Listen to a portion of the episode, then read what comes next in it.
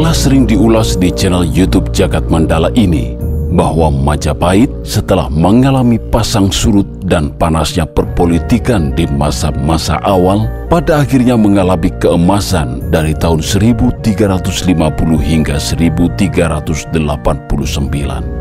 Masa keemasan Majapahit atau Wilwatikta bukan hanya dapat ditunjukkan dengan luasnya wilayah dan pengaruh kekuasaan, perkembangan ekonomi, keadilan di bidang hukum, toleransi antar pemeluk agama, pembangunan jembatan, bendungan, candi maupun infrastruktur lainnya, namun juga perkembangan di bidang ilmu dan karya sastra.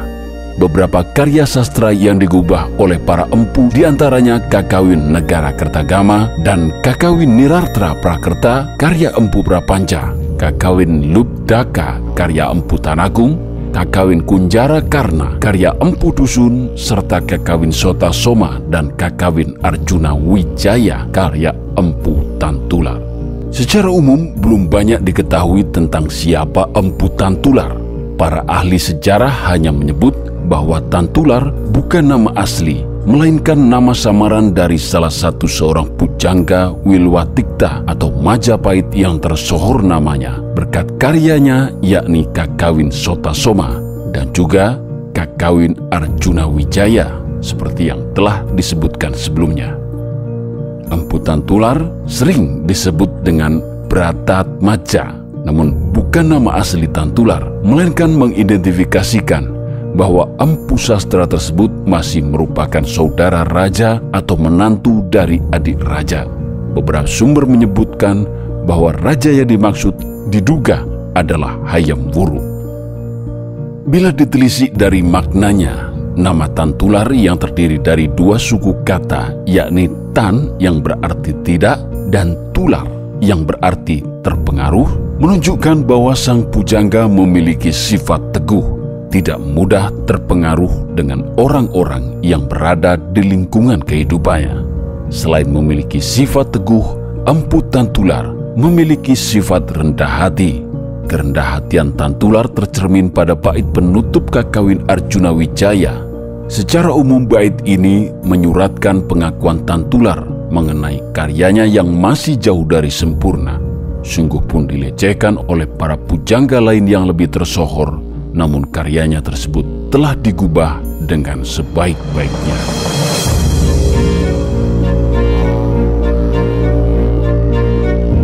Sungguh pun Tantular menganut agama Buddha, namun sangat terbuka dengan agama Siwa.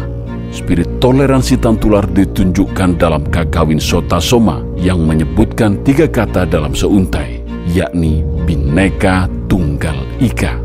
Tiga kata yang kemudian dijadikan semboyan negara kesatuan Republik Indonesia itu menunjukkan gagasan Tantular bahwa sungguh pun bangsa manusia berbeda suku, agama, dan ras, namun mereka tetap satu, yakni sebagai umat Tuhan.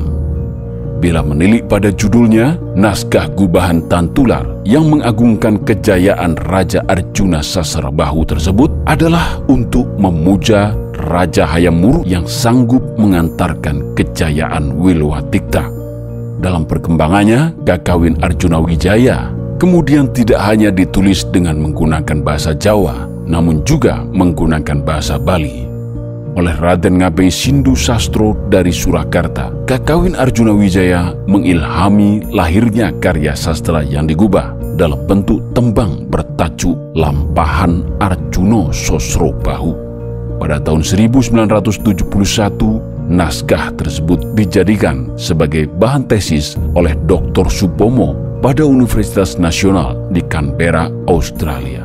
Adapun sekilas dari kisah Arjuna Wijaya adalah sebagai berikut.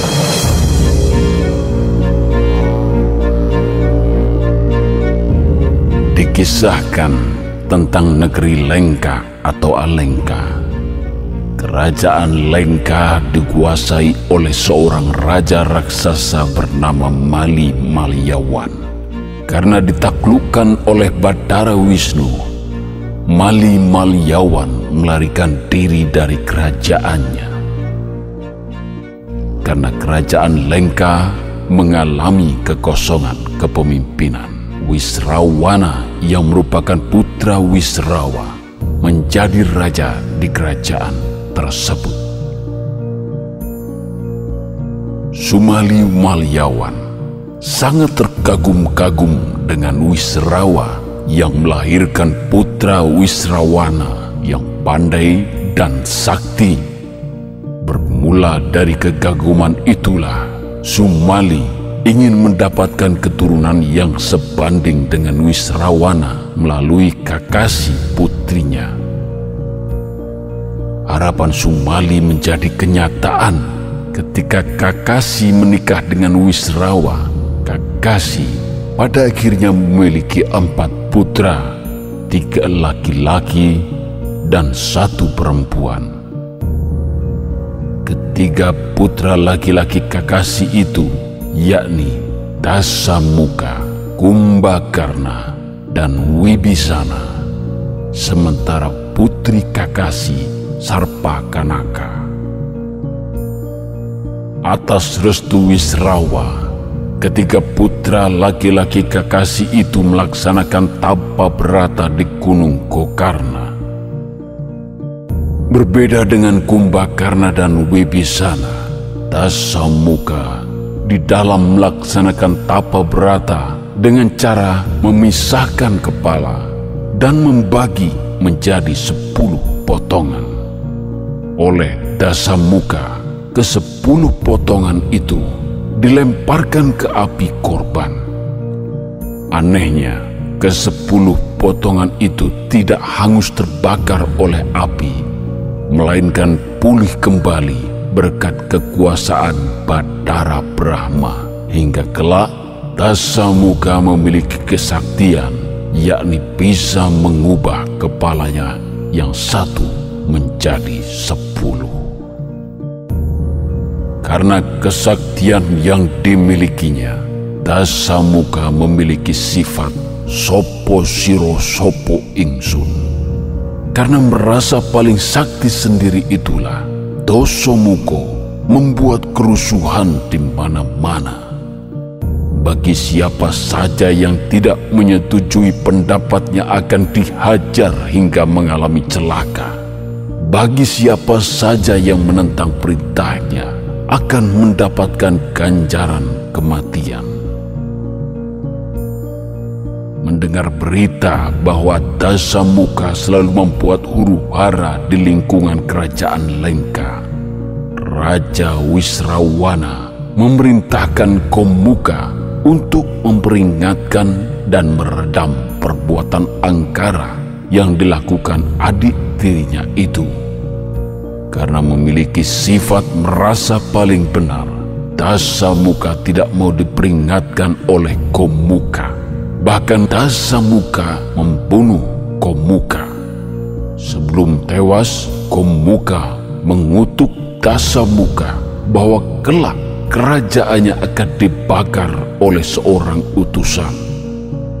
Dalam naskah Ramayana, utusan yang dimaksud Gomuka adalah Hanoman kera putih utusan Prabu Ramawijaya dari kerajaan Ayodhya.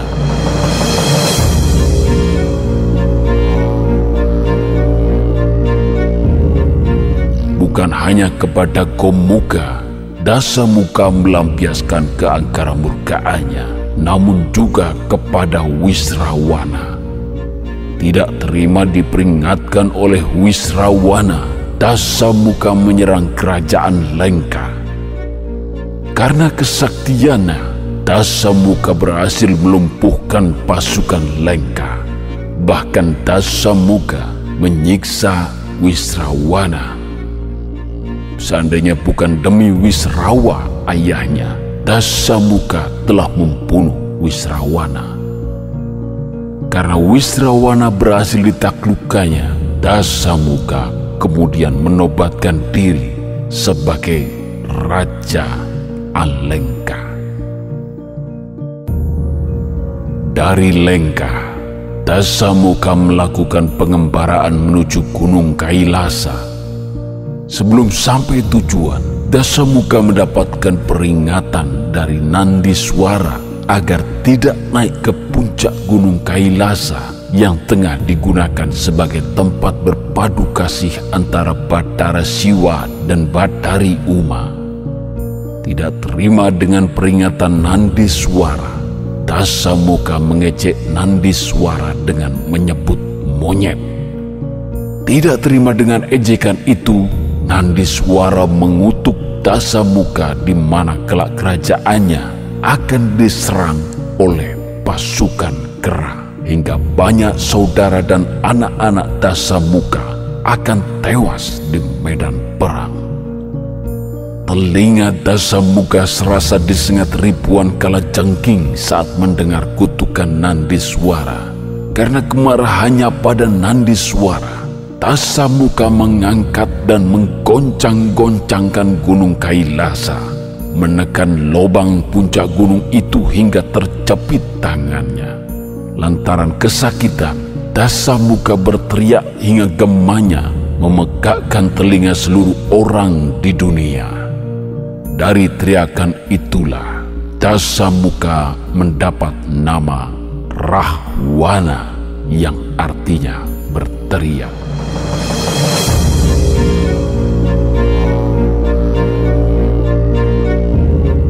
Dalam pengembaraan selanjutnya, Dasa Muka bertemu dengan seorang pertapa perempuan bernama Wedawati.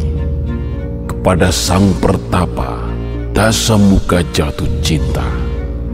Karena cintanya hanya kepada Batara Wisnu, Wedawati menolak cinta Dasa Muka. Berkat kesombongan Dasa Muka yang menyatakan dirinya lebih unggul ketimbang Wisnu, Wedawati menjatuhkan kutukan di mana kelak dasa muka akan sirna di tangan Wisnu.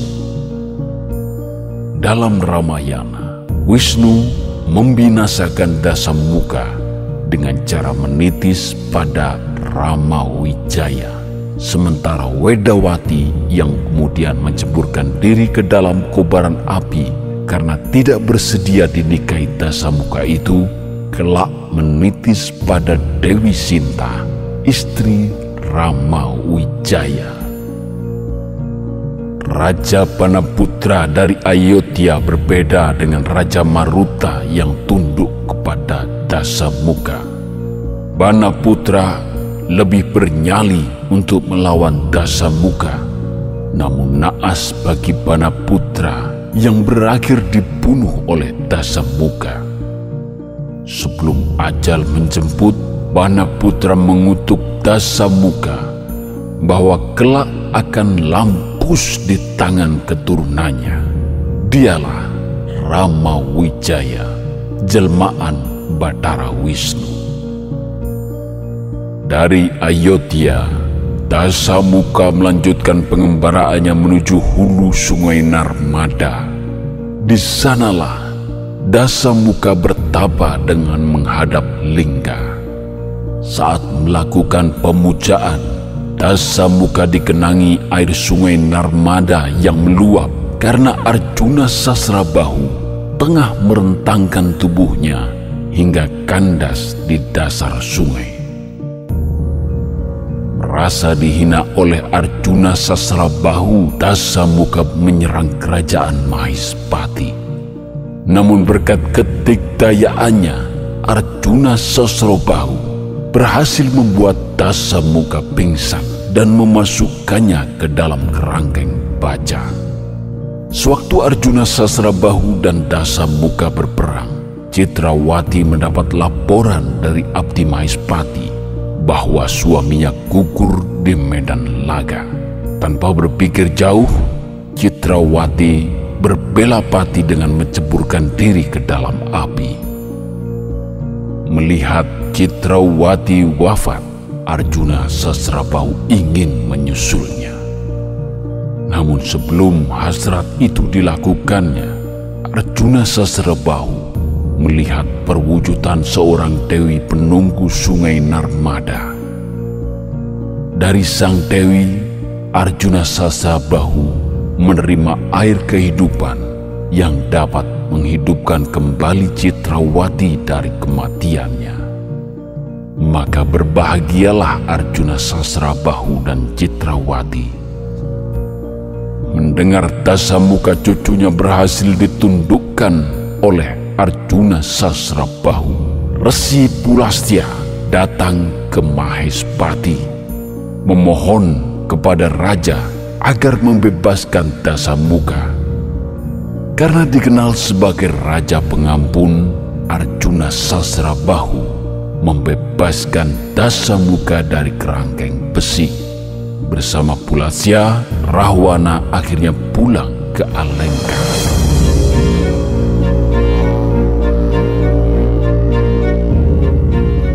Kakawin Arjuna Wijaya bukan sekedar karya sastra yang sangat tinggi kualitasnya, namun pula sangat dalam maknanya karena ajaran-ajaran yang tersirat di dalamnya.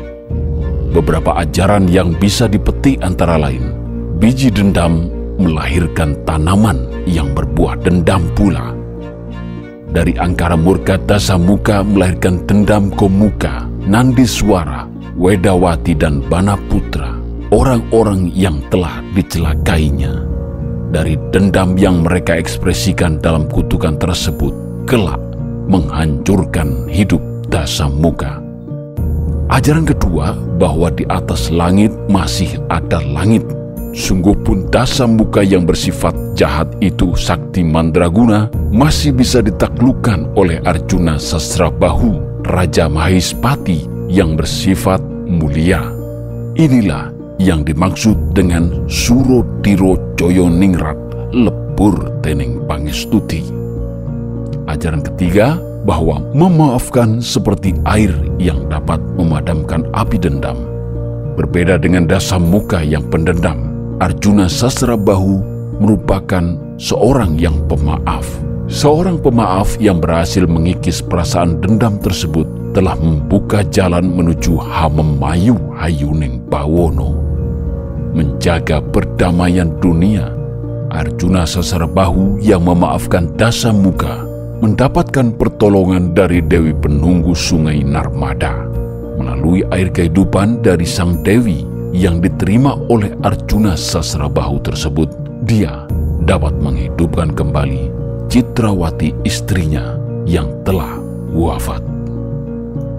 Demikian sekilas isi kakawin Arjuna Wijaya karya yang penuh kebijaksanaan di mana kitalah yang telah menjadi pewarisnya. Sedikit intermezzo sebelum menutup bahasan kali ini, bagi para pandemen atau subscriber yang belum tahu, Jagat Mandala memiliki beberapa channel turunan. Selain channel Jagat Mandala yang secara umum bersifat wacana, kami juga memiliki channel lain yang bernama Jagat Mandala Pictures, di mana kami menampilkan sejumlah kisah kearifan lokal dan lakon-lakon rakyat Jawa menggunakan gaya tuturan cerita, baik berupa cerita mitos, legenda, bahkan juga tafsir alternatif dari bahasan yang telah ditampilkan di channel Jagat Mandala ini. Di samping itu ada pula channel Jagat Wayang yang juga menampilkan sekilas profil maupun lakon-lakon wayang dengan masih tetap menggunakan gaya tutur cerita atau narasi. Ada pula channel Roni Sodewo di mana akan dibabarkan sejarah Pangeran Diponegoro menggunakan babat yang ditulisnya sendiri sekaligus penelusuran atau napak tilas berdasarkan babat tersebut. Demikian intermezzo dan sajian dari kami. Sukses terus untuk Anda sekalian.